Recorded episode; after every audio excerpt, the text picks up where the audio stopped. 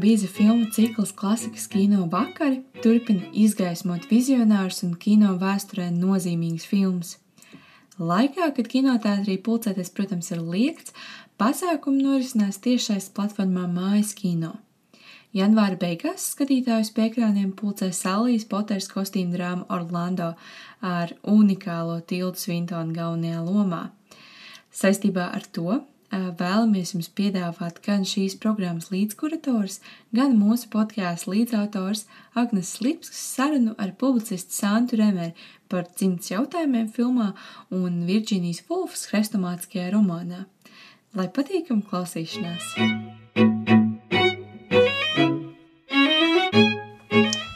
Sveiciens mājas kino skatītājiem! Ir janvāris, un mēs turpinām klasikas kino vakarus šomēnes rādot Salīs Poteras leģendāro kinodarbu Orlando no 1992. gada. Šodien mēs tiekamies ar publicistu un pētnieci Santu Remeri, lai aprunātos par dzimtas jautājumiem gan filmā, gan arī romānā, kas ir tās pamatā. Čau, Santa! Čau! Man ir prieks ar tevi šodien tikties, jo tavas zināšanas un interese gan kino, gan arī literatūras laukā ir tā īstā kombinācija, ar kuru mēs varētu atslēgt šo kino darbu. Un, uh, filmā sastopas uh, vismaz trīs uh, talantīgas sievietes. Mums ir oriģināla romāna autore Virģīnija Vulfa. Mums ir ekranizējuma režisora Salija Potere, kā arī titulons atveidotāja Tilda Svintona.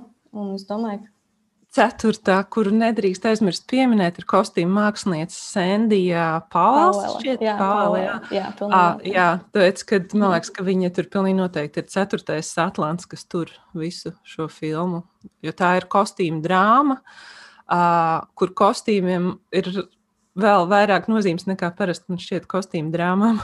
Jā, jā, pilnīgi noteikti, jā, piekrītu.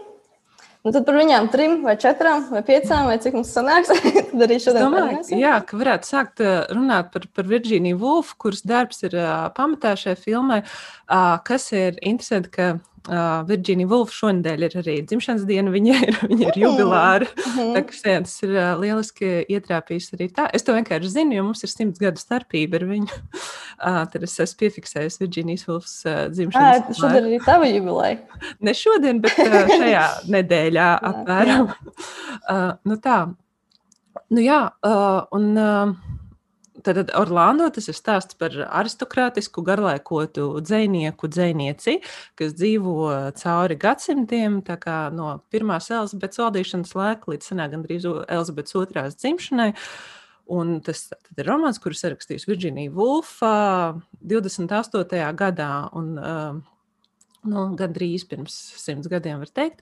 Uh, 28. gads ir zīmīgs ar to, ka šajā laikā uh, Britu sievietes jau ir iegūšas nesen balstiesības, un šajā laikā, man liekas, tieši tajā pašā gadā pirmo reizi sieviete pārlido pāri okeānam. Tā tad ir jau tā kā notikusi zināma sieviešu emancipācija, un nav tā, ka šis Vulfs darbs tas būtu pirmais par, kā, par feminismu vai par sievietēm, bet kas ir jāzina, ka Vulfa ir viena no pirmajām britu modernistēm. Viņa ir dzimusi vienā gadā ar Džeimu Džoisu. Uh, un viņas uh, romāns ne tikai satura ziņā ir novatorisks, bet uh, viņa ir uh, ieviesus daudzus tādus tā revolucionārus arī stāstījumu paņēmienus. Uh, tas ir uh, romāns, kurā parādās gan uh, iekšējā runa, gan uh, kā, mainoties ārpasaulē, mainās tas cilvēku iekšējo sajūtu tēlojums. Laiks nav chronoloģisks, to laiku maina emocijas. Nu, jau tas vien, ka viens cilvēks dzīvo cauri četriem gadsimtiem, un tas nav tikai simboliski, tas ir tā kā sajūtu ziņā. Viņas kā, darbu galvenais mērķis ir atklāt meklēt kaut kādu īsto jēgu, nevis izstāstīt chronoloģiskus notikumus. Viņa pati saka, ka viņa ir biogrāfa šajā romānā, bet eh, tā ir pavisam cita, tā ir jauna tipa biogrāfija, ko viņa raksta. Biogrāfija, kurā mēs neskatāmies uz varoņdarbiem, biogrāfija, kurā mēs eh, jā, izstāstām visas detaļas un, un parād, līdz ar to parādām, cik viņas ir butaforiskas un cik viņām ir maz sakara ar to, īsto atslēgu uz cilvēku. Un, uh, tas darbs ir uh, ļoti daudzslāņains un ļoti dažādi arī interpretējams. Un tā kā var teikt, jā, ka tas ir uh, feministisks romāns, ka tas ir romāns par sieviešu mīlestību, tas ir kvīru uh, romāns, bet tas nav. Bet tā nav tiksim, arī lekcija, kurā viņa atklātu, kurā viņa kā, politiski postulētu šos jautājumus. Viņa ļoti dziļi ieskatās šajā atšķirīgā cilvēku būtībā. Un, Jā, frāze catch me if you can, tad noķer man no ja vēri, arī nāk no Virģīnijas Vulfs, kaut kādas vienas esejas, kas man liekas ir tā kā atslēgus to, kā viņa raksta, viņa dzenās pakaļ patiesībai. Un to var sajust gan romānā, gan, gan arī šajā filmā, ka tā ir tāda mēģināšana noķert realitāti, mēģināšana noķert to netveramo cilvēka būtību. Uh, saprast, kas ir īsts, kas nē, kas tikai likās. Un tāpat arī skatoties uz galveno varoni, līdzīgā lomā nonāk arī liekas, skatītājs, ka tu mēģini saprast, vai, vai tas ir vīrietis vai tā ir sieviete, kas ir šis cilvēks. Tā kā visu laiku ir šis jautājums, un viņi mēģina tam pietuvoties. Neticami tālu, nepaliekot plakātiski, tā kā iet ar vien dziļāk un dziļāk tajā, kas varētu būt cilvēka būtība. Uh, Un šī interese un vispār, jā, tātad Virģīnija Vulfa pieder pie uh, Bloomsburijas domātāja grupas, uh, kurā bija gan, uh, gan rakstnieki, jā, gan arī ekonomisti, gan dažādi filozofi. Um, un uh, viņu uh, intereses tā kā centrā, uh, tas bija tāds uh, domu biedru pulciņš, uh, kuri uzskatīja, ka cilvēka dzīves centrā ir mīlestība, estētiskā pieredze, estētiskā baudīšana un zinātnē tieksme uz zināšanām.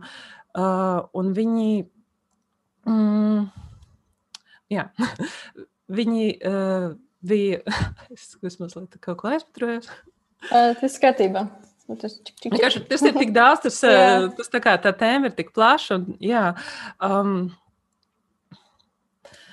Blūms, tātad tas, tas, kas ir svarīgi, ka tā Blūmsburijas grupa vēl 40 gadus pirms apvienotajā karalistē tika legalizēta homoseksualitāte, viņu grupas ietvaros tas likās pilnīga norma un tas nebija nekāds tabū. Viņi uzskatīja, ka ka neviens no, neviens no dzimumiem nav pilnībā viens vai otrs, un ka katram, gan sievietēm, gan vīriešiem, piemīt arī otra dzimuma īpašības. Viņi bija diezgan kategoriski un stabili šajos uzskatos, un tas, ka cilvēki mēdz būt biseksuāli vai homoseksuāli, viņu, viņiem šķita pilnīga norma, un tāpat arī runāt par sievietes emancipāciju. Uh, visas šīs idejas, kas atspoguļojas pēc tam Wolfas darbos, tas ir arī šīs kā, grupas, Bloomsburijas grupas uh, pamat uh, idejas. Uh, Un, uh, mēs zinām, ka Virģīnija Vulfa, piemēram, ir bijusi tā, kas saka, ka ir jānožņauts tas likumīgais eņģelis, kas dzīvo virtuvē. Tad šī sieviete, kas ir pakļāvīga, izpalīdzīga, kas vienmēr pašu upurējas, tad viņa bija ļoti radikāla šajā savā apgalvojumā, ka, lai tu varētu sākt rakstīt un radīt, lai tu būtu māksliniece, tev vispirms ir jāiznīcina šī pakļāvīgā būtne. Un, uh, Jā, un tad viņai tādā ziņā šī grupa bija arī tāds atbalsts līdz ar to savā darbā, gan Orlando, gan citos savos romānos. Viņa diezgan uh, stabili var runāt par šīm vērtībām. Viņai tā tad ir aizmugure, kas atbalsta gan ar filozofiskām idejām, gan ar līd, līdzīgu tipu darbiem. Un, uh, un, jā, un Orlando iespējams ir uh, kulminācija šai, mm, šiem uzskatiem, Orlando tiek dēvēta arī par visgarāko mīlestības vēstuli pasaules literatūrā, jo tas ir darbs, kur viņi velta savai tā laika mīlestībai. Tātad Vitai eh, Sekvilai Vestai. Tā bija eh, sieviete, ar kuru Virģīnijai Vulfai bija attiecības gandrīz desmit gadu garumā. Viņas arī piederēja pie uh, līdzīgām aprindām, pie, uh, viņam bija līdzīgi uzskati, bet Vita Sekvila Vesta ne, nepiederēja gluži Bloomsbury grupai. Viņa šķiet nebija mm, beigusi Kembridžu un uh, nebija tik. Uh, nejūtās tik izglītot un nebija tur pieejama, bet uh, savukārt Vita Sekla Vesta bija um, aristokrātiskāka. Viņa bija no ļoti tādas ģimenes ar senām saknēm.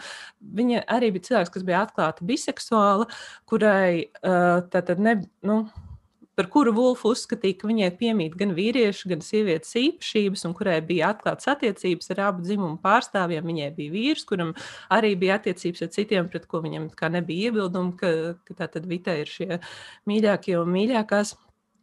Um, un, uh, Un šis tēls, Vita Sekvila vēsti, tā tad ir uh, Orlando romāna pamatā. Virģīnija Vulfa mēģina aprakstīt viņu šo savu mīlu, izstāstīt visu viņas vēsturi, kā šāda rakstniece, jo Vita Sekvila vēsta tajā laikā patiesībā ir populārāka rakstniece par Virģīniju Vulfu, daudz pirktāka, un Vulfa pat arī uzskata, nu, ka tā uh, Vita ir tā kā lielāks talants, un ka viņa raksta ļoti ātri, ka viņas valoda ir tāda tekošāka, un to var just arī filmā, ka mēģinot radīt šo Orlando, stāstot par viņu, arī pati Vulfa rakstu slektē tā kā aizelsusies, aizrausies, tā ir tāda ātras un vējiens reizēm ir tas darbs, kā viņi mēģina noķert, saķert to vitas būtību. Bet tajā pašā laikā, tad, kad lasa romānu, tomēr ir sajūta, ka mēs lasām arī par pašu Virģīniju Vulfu, jo tik dziļu ieskatu par to, kā jūtas rakstniece, kur, no kurienes viņai nāk šīs domas, kas viņai ir svarīgs un uz kurien viņa tiecas un kāda ir tā viņas iekšējā kaisla. Man liekas, ka to var pazīt tikai iekšēji pats izdzīvojot. Un it kā viņi ir paņēmuši to vītas tēlu, kas jā, ir aristokrāte ar senām saknēm, kura, tāpēc, ka ir sieviete, nevar mantot savu dzimtas īpašumu. Mēs filmā redzēsim to dzimtas īpašumu, kas izstāsta kā īstais Vītas Sekls vestes māja, kur, kuru viņi nevarēja mantot savu dzimumu dēļ, joprojām 20. gadsimtā. Tad neskatoties uz to, ka kaut kādas tur balstiesības vai kas ir, bet mēs zinām, ka gadsimta sākumā sievietēm tiesības bieži vien bija juridiskas un ne, nevienmēr praksē īstenojamas. Bet jā, uh, viņa caur šo darbu un caur šo tēlu uh, Vulfa mēģina parādīt vispār uh, sievietes rakstnieces rašanos, kurā brīdī viņas prāts aizsāks sievietes rakstniecības vēsturi, kas tam ir devis iespēju.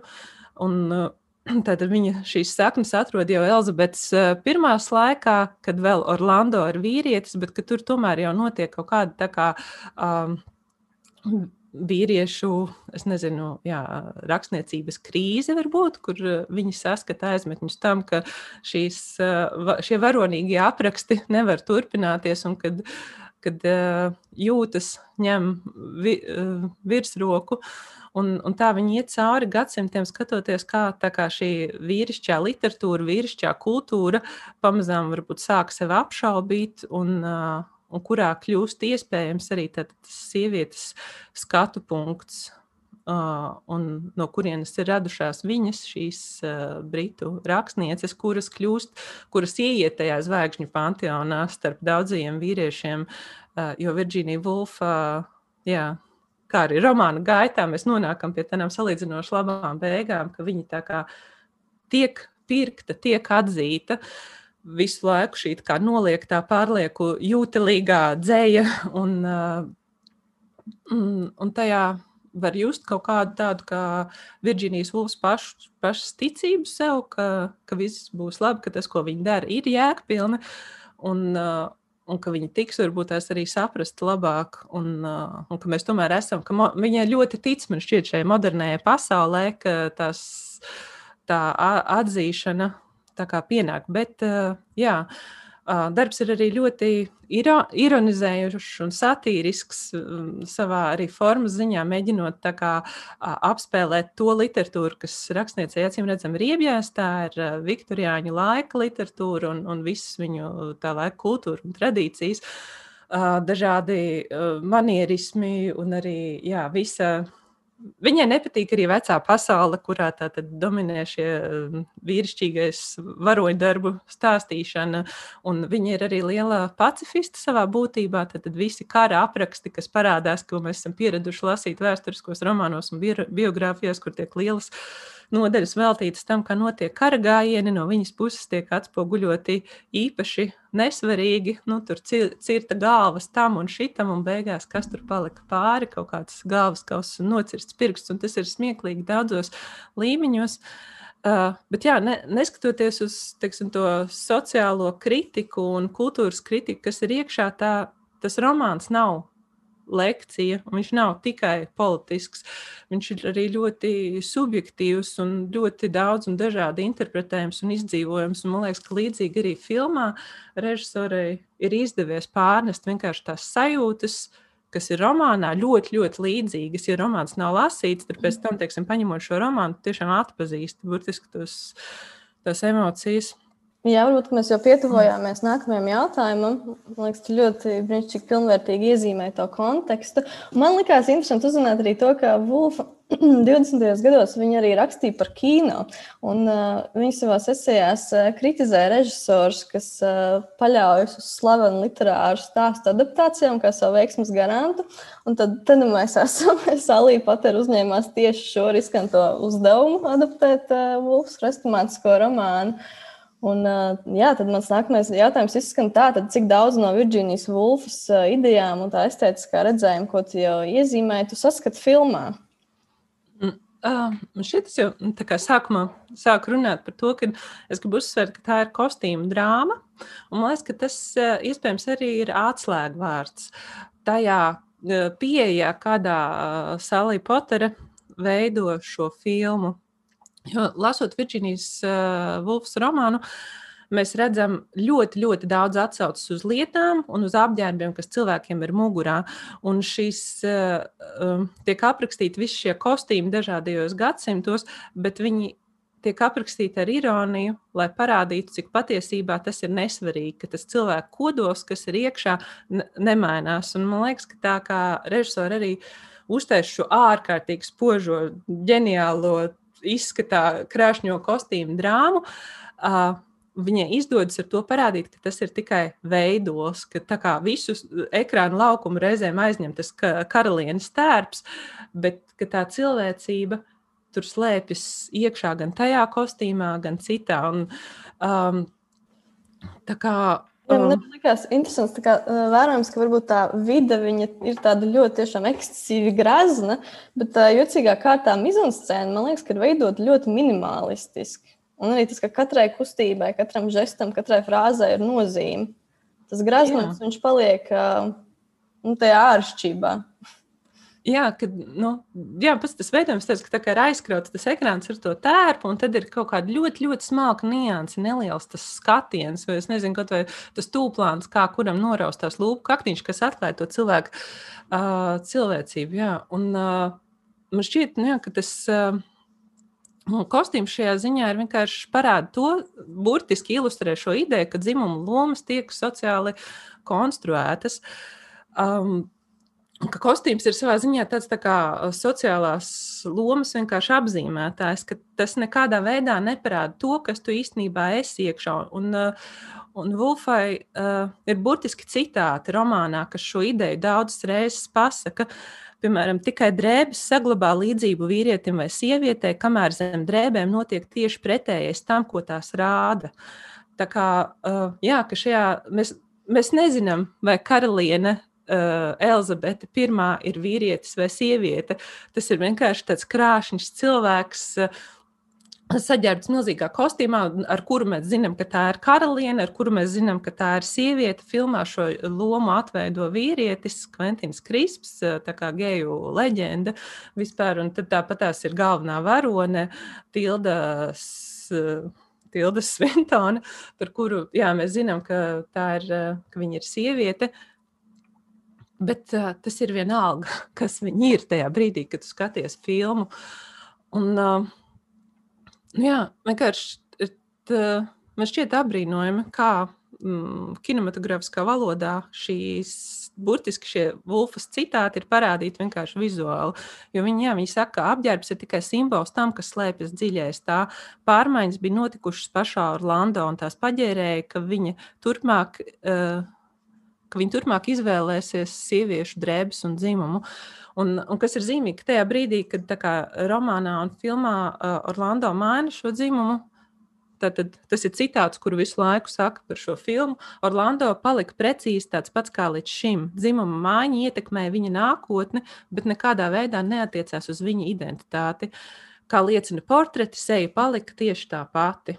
Un tā ir arī jā, filmas uh, galvenā ideja. Un, kuru viņa da, filmas un romāna galvenā ideja, kas daudzos dažādos veidos tiek apstiprināta ar dažādiem piemēriem. Un tāpat tās tie kostīmi tiksim, mainās ne tikai cauri gadsimtiem, viņi mainās arī dažādās vietās. Uh, piemēram, Orlando dodas uz Konstantinopolu, un jau tur kā, uh, nesā bikses, jo tur sievietes, tās turku sievietes nesā bikses, zem kurām nevar saprast arī, teiksim, rietumnieks nevienmēr var pēc vizuālā veidola pateikt, vai tas ir vīrietis vai sieviete. Tāpat tās Orlando pirmo reizi satiekot Sašu, lai kas šis Saša arī būtu, Saša viņš vai Saša viņa, viņa iemīlās tajā cilvēkā, vēl nezinot, kas ir šī cilvēka dzimums. Bet uh, tas, ko gan Vulfa, gan Potere mēģina pateikt, ka, uh, ka mēs ļoti bieži esam iesprostot šajos dzimumu stereotipos, ka kā sabiedrība no mums sagaida, lai mēs iemīlētos sievietē vai vīrietī, uh, noteikta vecuma, noteiktas kultūras, un mēs tā kā mēģinam arī pildīt šo lomu. Bet, uh, Bet tāds brīvs gars, kāda ir Vulfa, un, un kā dažiem cilvēkiem izdodas būt, ja tu domā vairāk par to, kā tu patiesībā jūties, saproti, ka tu jau neiemīlēsi tajā formā, ka mīlestība ir kaut kas vairāk un kaut kas tam visam apakšā. Un, kas ir arī interesanti, ka pēc tam, kad Orlando maina uh, dzimumu, uh, viņai šķiet, ka viņa beidzot labāk saprot Sašu, un ka viņa saprot arī kaut kā pati ir izturējusies noteiktā kaut kādā objektificējošā veidā, iespējams, pret viņu, un ka šī pieredze izdzīvot vai romānā, vai uz ekrāna, tātad uh, izdzīvot arī šī otra dzimuma uh, mm, gaitas un skatījuma patiesībā ir ļoti svarīga. Un vēl ir, protams, arī šajā uh, dzimuma maiņā uh, ir arī tātad feministiskais aspekts, ka mm, Nu, mēs joprojām reizēm presē lasām stāstus par cilvēkiem, kas ir mainījuši dzimumu, ka viņi stāsta, ka ir tā atšķirīgā pieredze, kad es biju kā vīrietis, man tur sapulcēs uzklausīju, un teikt, ka es esmu kā sieviete, es jūtu mazliet citu attieksmi.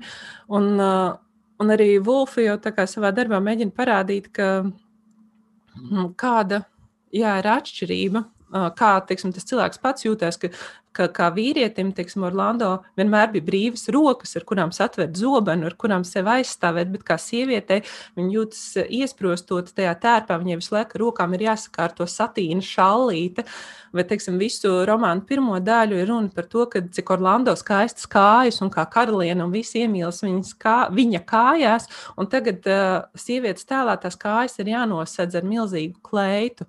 Un tad uh, Un vēl tāda īpaši, man liekas, zīmīga vieta uh, romānā, kur arī var just cauri filmā, tad mēs jūtam, ka viņi uzvelk to tērpu, ka viņi ir viņā tā kā iesprostot, ka tas joprojām ir tas pats brīvais Orlando, tas brīvdomātais, bet nu, viņam ir tas milzīgais tērps. Un tad tas vārds krinolīns, par kuru romānā vienā brīdī Orlando kalpone apraudas. Viņa saka, ka arī pat karaliene tagad nesā šo krinolīnu. Mm, tas ir, nu, kas tiek uztverts burtiski tā kā režģis, eh, kā tāds krātiņš uzlikts sievietei. Un tas, ko es biju piemirsis, ka krinolīns slēpj grūtniecību. Tas, eh, tā lielā kleita mēģina noslēpt to, ka sieviete eh, ir stāvoklī, lai gan realitāte ir tāda, ka tās precētās sievietes kādas 20 reizes mūžā ir stāvoklī. Tas ir viņas tā kā, nu, tas defaults, tas pamatstāvoklis, kas visu laiku ir, un tas ir bijis kaut kas slēpjams, lai gan no otras puses tas ir bijis tas sagaidītais sievietes uzdevums. Tā ir tāda īpaša, man liekas, netaisnība, kas tā kā burtiski dedzina vulpas acis.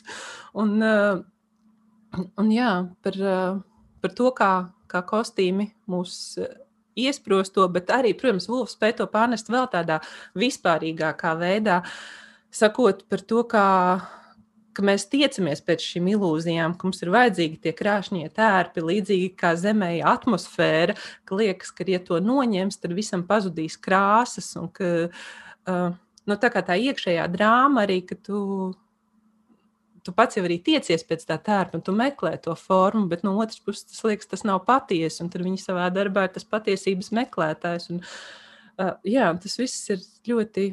Mm, kaislīgi attēlots gan filmā, gan grāmatā.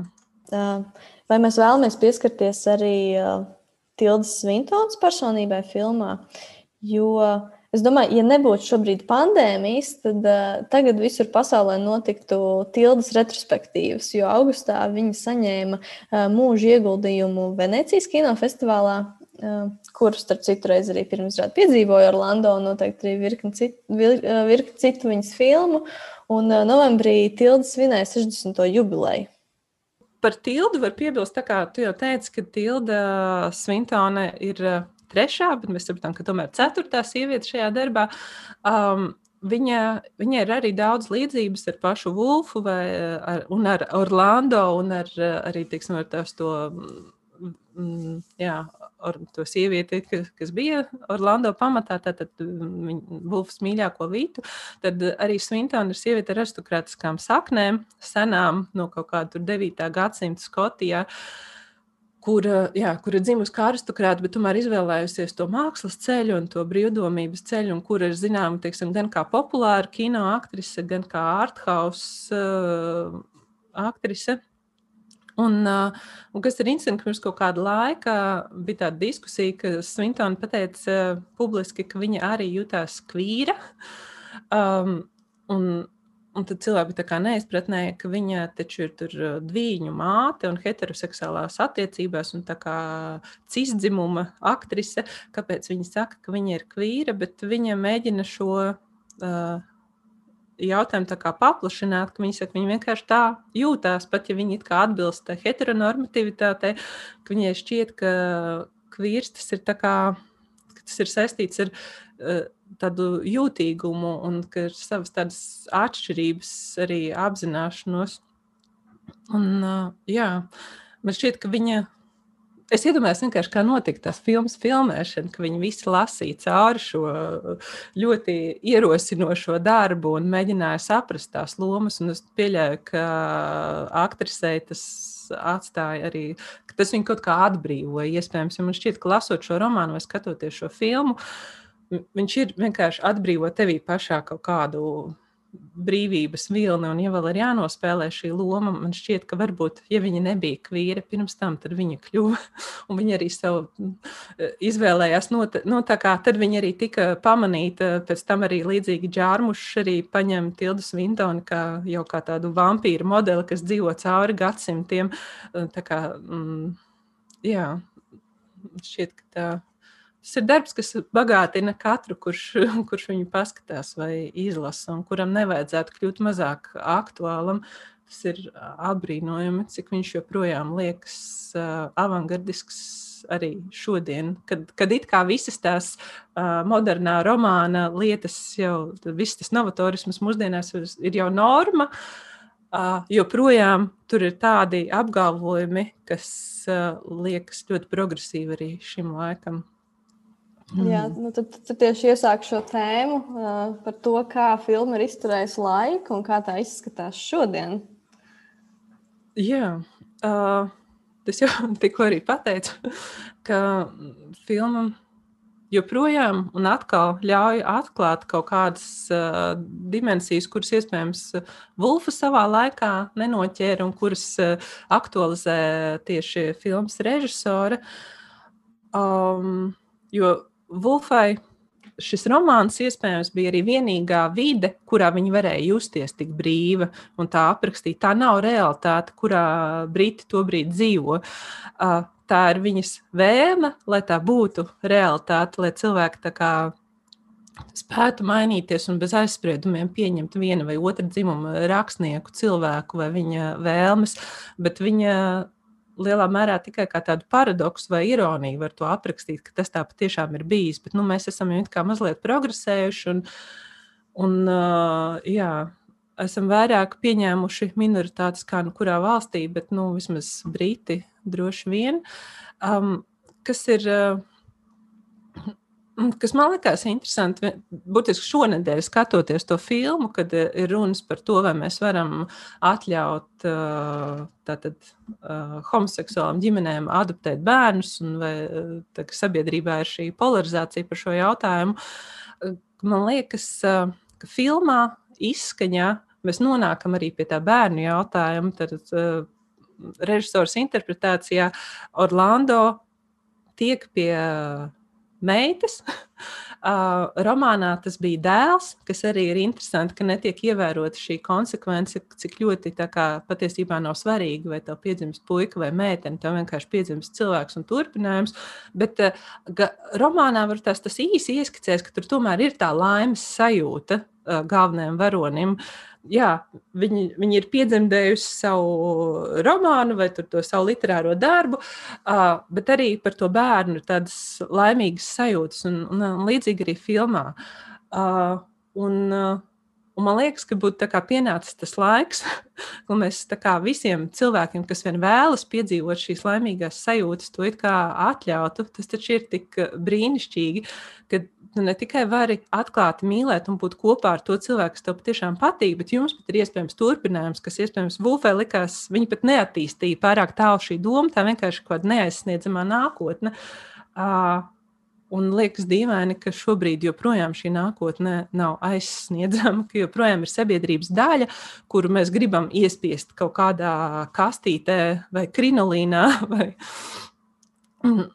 tā kā neļaut šiem netradicionāliem cilvēkiem neatvēlam viņiem ģimenes laimi. Tas ir mazliet biedējoši tādā ziņā, ka kas, kas vēl teiksim, var sekot, varbūt arī drīz, ja mēs vēl paslīdēsim uz leju tradicionālismā, tad sievietes iespējams atgriezīsies krinolīnā un ķēķī, kurš nešķita normāls jau vairs arī pirms simts gadiem. Bet, nu jā, par, uh, ka kaut kā tā. Mm, bet es domāju, vienkārši kā brīnišķīgi izveidot filmu, kā lielisks romāns, tas ir uh, aktuāls da daudzos dažādos slāņos. Pat, tik, pat nerunājot tikai par dzimumu, bet runājot vienkārši par, uh, par literatūras radīšanu un par to, kā cilvēks uh, dzenas pakaļ savai iedvesmai un tam, kam, kas viņam liekas svarīgs. Tad es domāju, ka tur. Uh, ļoti daudz var atrast vienkārši tajās metaforās un tajās tieši cik dziļi filmas un romānu veidotāji ieskatās tajā uh, mākslinieka pasaulē vai brīvdomātāja vai patiesības meklētāja, kas viss iespējams kaut kā ir viens. Nu jā, vēl par tiem tērpiem. Nu, ar gan filmā, gan uh, romānā ir ļoti daudz tās detaļas, aprakstītas visas tās lietas, un kā tur uh, katrā gadsimtā kādas tur bija mēbeles, un kādi mafini, un kādi trauciņi, un kādi flīģeļi.